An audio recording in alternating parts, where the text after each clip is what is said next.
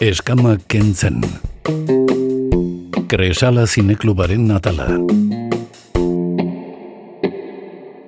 Gaur zinemaren inguruan arituko gara badekizu entzule asteartea denez, Kresala Zineklubeko laguna gonbidatzen ditugula eta badekizue baita ere ustaian ez daukatela proiekziorik trueba zinemetan oi bezala, ikasturte osoan egin duten bezala, baina gaur e, notizia on bat e, iragartzeko gonbidatu dugu Paul Orma etxea eta da zein izango den e, datorren ikasturteko atzera begirakoa, zein dedikatuko dioten, kaurismakiri e, dedikatuta egongo da, eta horren inguruan arituko gara gaur izpilu beltzan.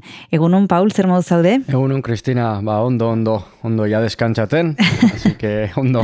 Indarrak hartzen datorren ikasturterako, ze datorren ikasturtea oso potente dator e, Kresala Zineklubean, esan bezala atzera begirakoa e, kaurismaki zuzendari Finlandiarria aregi egongo da dedikatuta, eta azteko, nik jakin nahiko nuke, eta nik uste dut entzuleek ere jakin nahiko dutela, e, zergatik aukeratu duzue autore hau, ez da bai da haundia egon da zuen artean? E, bueno, egia esan ez da bai da ez da egon. Mm aukeratu dugu, lehenik eta behin, ba, beti aukeratzen dugun bezala, ba, e, gustatzen zaigulako zuzendaria, e, zuzendari interisgarri bat delako.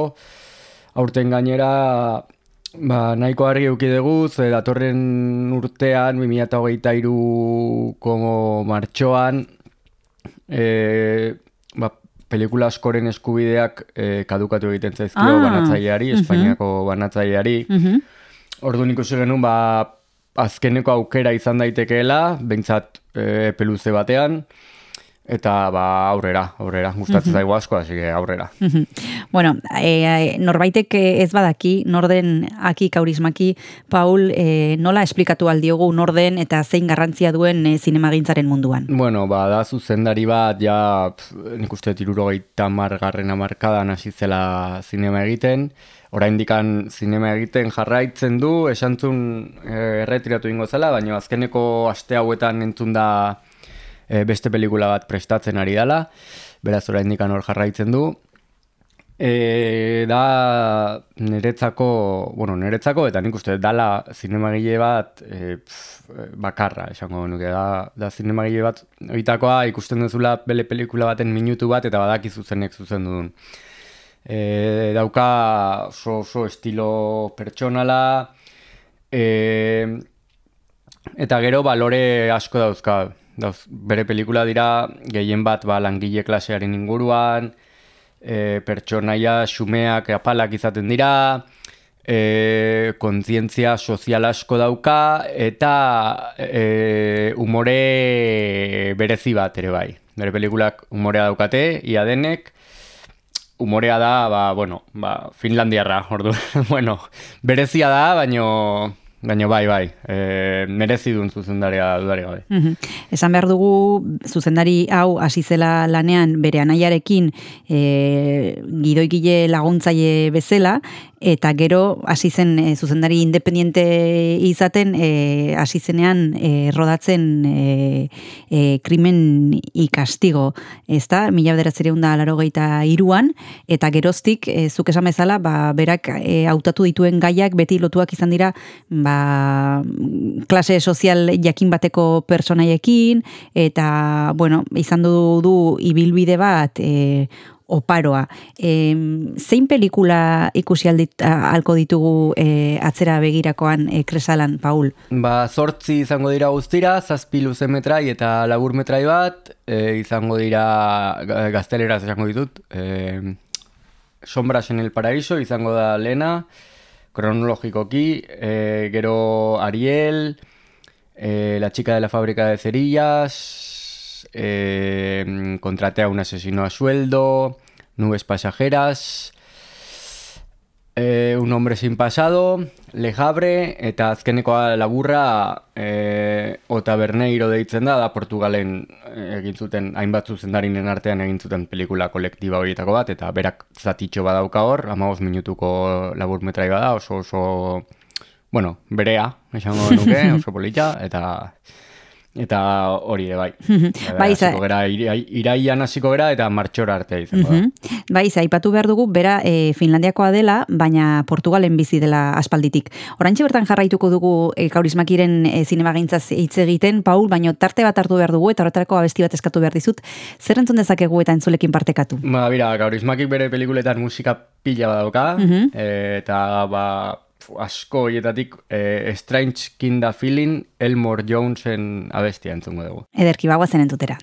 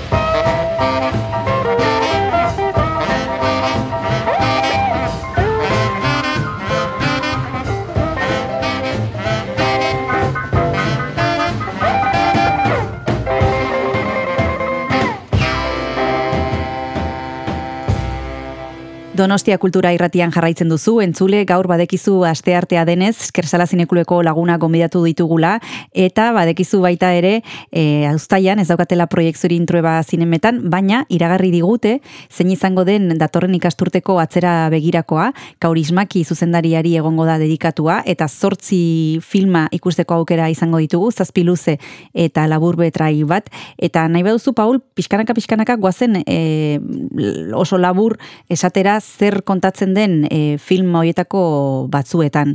E, esan duzu hasiko zaretela Sombras en el Paraíso pelikularekin, zeri buruz doa? Ba, nire asko asko gustatzen zaiten pelikula da, igual ez da bere ezagunenetakoa, baina niri ikaragarri gustatzen zait, da e, berak e, ba, e, basurero bezala egiten du lana, zabor kamioi batean, eta, bueno, dira, ba, berak dauka bere bizitza esango genuke triste xamarra, ez? Oso pertsona bakartia da, e, akik aurismakiren filmografian pertsonaia gehienak oso bakartia dira, oso gutxi hitz egiten duten pertsonaia dira, denak oso serioak ematen dutenak.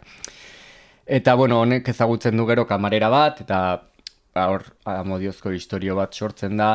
Eta dauka betik aurismaki daukana, ez? Mundu, ba, esango genuke ez oso polit horretan, ez? Bizi diren mundu horietan, beti esperantza puntu bat aurkitzen du, ez? Eta niri hori asko gustatzen zait, ez da adidezken lotx eta eta horiek bezala, ez? E, nolabait, eta ez ez esaten gaizki dagonik, ez da ez ere, baino nolabait matxakatzen dute eta pixka bat dena tristea da, kaurismakin tristea da, e, e, erakusten duen mundua tristea da, baino beti dago zeo zer ez, pertsoniak aurrera ateratzeko e, ba, indarra dute. Eta, eta, bueno, beti umore pixka bat ere badago, horrek ere laguntzen du, ez? Pixka bat, ba, bueno, ba, ez izatea dena hain sakona eta hain, ez dakit. Hain gogorra, Eh, ezta? Bai, bai, bai. Bai, e, izan ere, horren inguruan, e, aurrekoan elkarrezketa bat e, irakurri nion, eta esaten zuen, e, esperantza gabe e, ezin dela bizi, eta berak ere, e, naiz eta bere pelikuletan egoera gogorra kontatu, esperantza badaukala, lehen baino gutxiago, baino oraindik ere badaukala esperantza pitin bat. E, bigarren pelikula, Bai, e, Paul, proiektatuko duzuen e, bigarrena, okerrez banago, Ariel izango da, Zer kontatzen du bertan? Ba, da kartzelatik atera berri dan gizon bat da, eta berriro ez, ba, e, bueno, bera bizi da, e, alberge bezala antzeko batean, eta bueno, mm, beste aukerarik ez du, eta berriro mundu hoietan sartzen da ez, bera lehen bizitako mundu hoietan, berriro dago emakume batekin historio bat, emakume eta ume batekin kasu honetan, Eh, esan behar da, lehenengo hiru pelikulak, botako ditugun lehenengo hiru pelikulak trilogia bat osatzen dutela, proletariotzaren trilogia deitzen dana. Eta, ba, pixka bat mundu hori ber, eh, berdina da. Osea, esan esan gaiak normalean eh, oso oso antzekoak dira. Egia da historioak, ba, ba, desberdina dirala, noski, ez izateko beti pelikula berdina, Baino antzekoa da, ez? Tonu badauka hori, tonu komiko, triste antzeko bat. Berriro ere da pertsonaia bat, kasu honetan pixka bat aktiboagoa da, e, sombras en el paraíso baino, baino, bai, badauka tonu hori, eta berriro ere esperantza bat bukaeran, eh? eta, eta, bai, eske oso historio polita dira, azkenean ipuinantza daukate. Osea, ez, da, ez dira esango nuke Disneyeko pelikulak, Bai, noski. bai, noski. Baino, baino badaukate hor, e, hori ez, esaten duzuna, jo, baino bizitza ez da horrelakoa ez, baina bueno, zineman zergatik ez, zergatik ez da egongo argi pixka bat ez, eta hori niri asko gustatzen zait talde hortatik. E, gero, e, Ariel eta gero bi urte berandugo, kontrate a un asesino a sueldo pelikula egin zuen, eta hau ere proiektatuko duzue atzera begirakoan, em, zer kontatzen du kaurismakik bertan? Bai, bueno, kontratea un asesino a sueldo dauka, eh, eh, esango genuke historio rokanbolesko bat, eta oso oso potentea da ja hasieratik ideia. Da gizon bat, gainera Jean-Pierre Leo da aktorea, e, bere buruaz beste egin nahi duna, baina ez da nahu sartzen. Orduan juten da ba, taberna batera eta kontratatzen du e, ba, hiltzaile profesional bat, bere burua hiltzeko. Baina ze gertatzen zaio, ba, ja etxera dijoanean eta zai dagonean, aber noiz etorriko dan tipo hori berak ez dakina zein dan. Berarekin akabatzera, ba, maite mindu egiten da, gau hortan. Orduan, juten da berriro kontratatu duen tokira, e, esateko, ba, ja ez dula hil nahi. Eta orduan, e, taberna hori ja ez da existitzen. Bota egin dute, orduan ezin du aurkitu, e, ba, enkargoa bidali dion pertsona hori, eta orduan dauka bat, tipo bat atzetik, berarekin bukatu nahi duna, eta berak ja ez duna nahi, ez? Orduan, bueno, oso... Bueno, oso, oso historia kuriosoa. bai, desde eta- luego, premisa ez, da, ez Bai, dago gaizki. bai, Bai, bai, bai. Urrengo pelikula, Paul, e, zein izango da? Eh, horita gero izango da em, Nubes Pasajeras. Eh, da, bueno, berriro ere langile klasea. Eh, kasu honetan eh, bikote bada, ezkonduta daude, eta mm, gizona lan gabezian gelditzen da, eta bueno, hor eukitzen dituzten gora berak, ez? Eh, eta bueno, berak neskak e, egiten du lan jatetxe batean, eta bueno, ba, esango genuke bikote baten gora berak bietako bat langabe gelditzen danean. Eta berriro ere, hori, ba, da- dauka, e, nik uste daukala empatia asko bere pertsonaiekiko. E, eta ordun beti dira, ezakit, pertsonaia erakargarria dira. E, humanitate asko dauka kaurismakik, eta orduan naiz eta eh, aktoreak edo interpretazioak pixka bat lehorrak edo diran, beti gelditzen zaizu regusto bat, eta berriro ere ba, bukaeran ba, esperantza agertzen da, ez? Eta da oso pelikula, bueno, estetikoki denak, denak, denak dira dauka ez dakit zer, ez dakidan argia, musikarekin ere asko jolasten du, e, oso oso berea da. E, zuze, argazki zuzendaria pelikula guztietan da Timo Salminen, da berdina, e, gauetan erabiltzen duen argia oso oso, niri oso erakargarri egiten zait e, irudia. Eta nik esango nuke pelikula honetan gehien bat.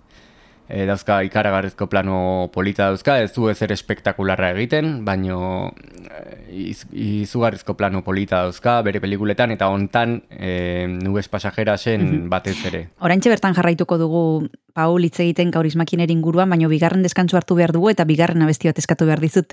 Zer pentsatu duzu? Ba, izango da Do the Shakes The Renegades taldearena. Primera, magoazen entzutera.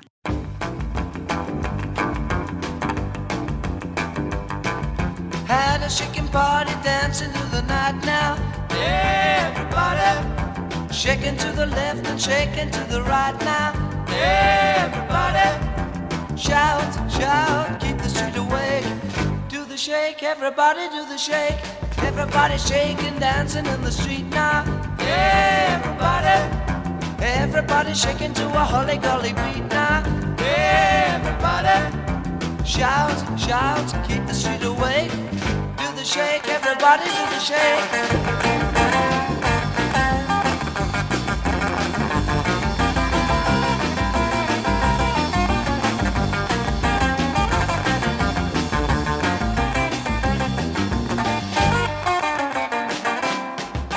Shaking party dancing through the night now. Everybody shaking to the left and shaking to the right now. Everybody shake, shake, keep the street awake. Do the shake, everybody do the shake.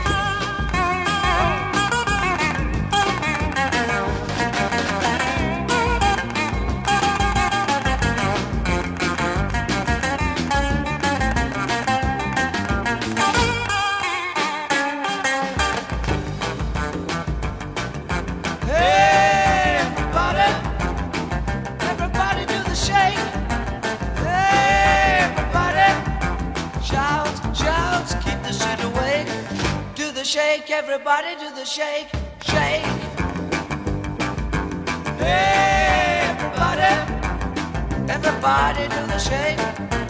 Hey, Everybody, shout, shout, keep the street awake. Do the shake, everybody do the shake. Izpilu beltzan zaude, entzule, badekizu aste hartetan Kresala Zineklubeko laguna konbidatzen ditugula Izpilu beltzara zinema egintzaren inguruan hitz egiteko eta gaurkoan Kauresmakiren inguruan ari gara hemen Paul Ormaetxearekin.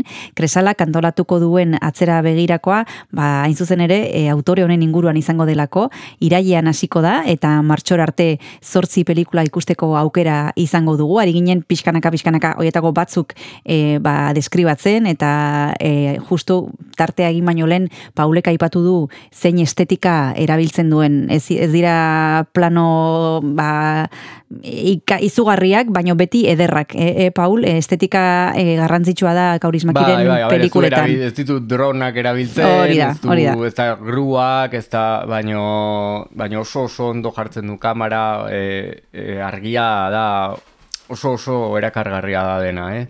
Dago iluna, gero tonu hotzak erabiltzen ditu, urdinak eta hola, eta gauetan batez ere e, planuak dira zoragarriak, Mhm. zoragarriak.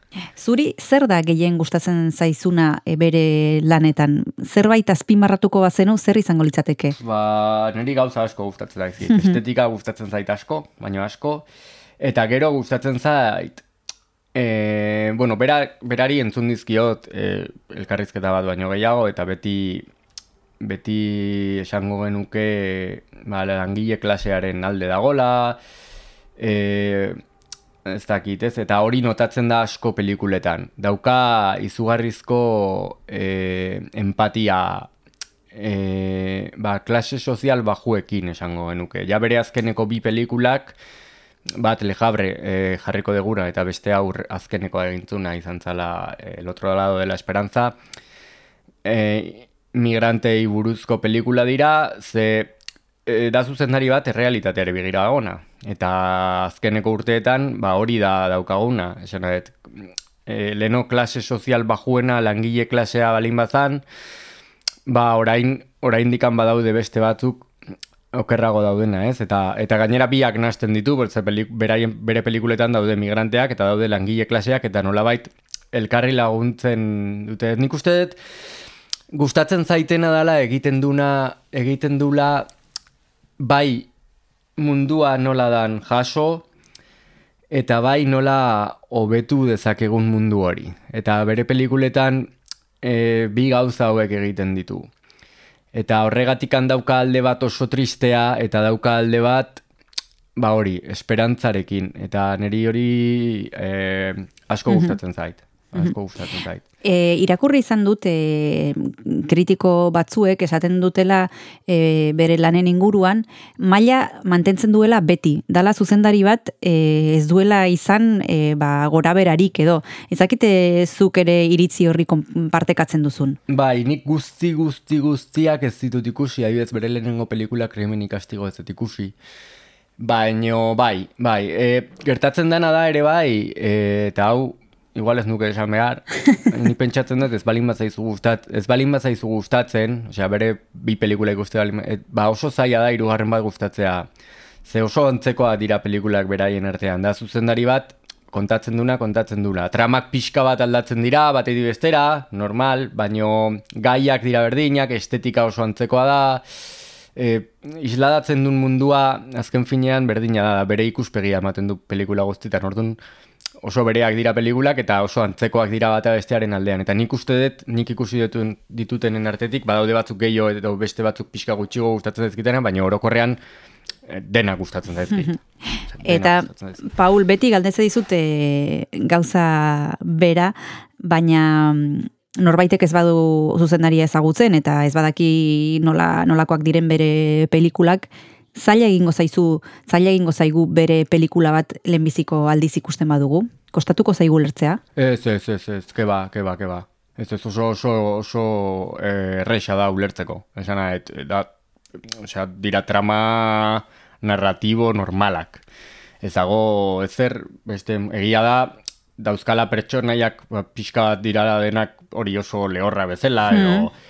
eh, parko zen palabras, bai. dana, baino, baino eh, trama guztiak, osea, dena jarraitzen da ondo, dena ulertzen da, ulertzen da bai trama, bai zer esan nahi duen pelikulak berak, ez? ze, ze gai nahi duen jorratu, ez bakarrik zer gertatzen zaien pertsonaien, baizik eta zer isladatzen duen pelikulak. Nik uste dela oso oso erresa ulertzeko ez dago inungo arazorik.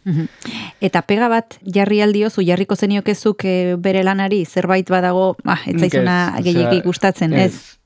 Nik ez nioke jarriko pegari. Nik uste dala zuzendari bat, ez dala izango inoiz, e, de masas deitzen da nori, edo ez duna ino, ingo inoiz takillazo bat. Ba, bere peligurak ez dutelako hori bilatzen, osea, oso historia simpleak dira esango genuke, e, ez da, ez dituzte efektu espezialak, ez, osea, oso historia simplea dira, orduan ez du takillazo bat eukiko inoiz.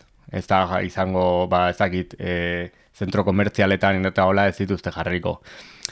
Baino, baino oso, oso zinema gile, osea, bere zinea oso errez ikusten da, gainera pelikulak gehienak oso motxak dira, e, oso historio politak izaten dira normalean, e, nik pegarik ez dio jartzen, nik uste dut iten dula nahi duen zinema, isladatzen dula oso ondo, e, esan nahi duna, Eta nik ez diot pegarek ikusten, nik usten diotena da, ba hori, ba ez dala inoiz izango un, ez dakit, nola esan, un, Bai, Star Wars bat. Ez dakit, ez ditu, o, bere pelikula batek ez ditu amarroskar irabaziko, bai, ba ez, ez ditu bai. irabaziko, baina eh, bueno, berdin du. Bueno, baina... Bueno, Oskarretara izendapen bat eukizun, eh, mm. baina...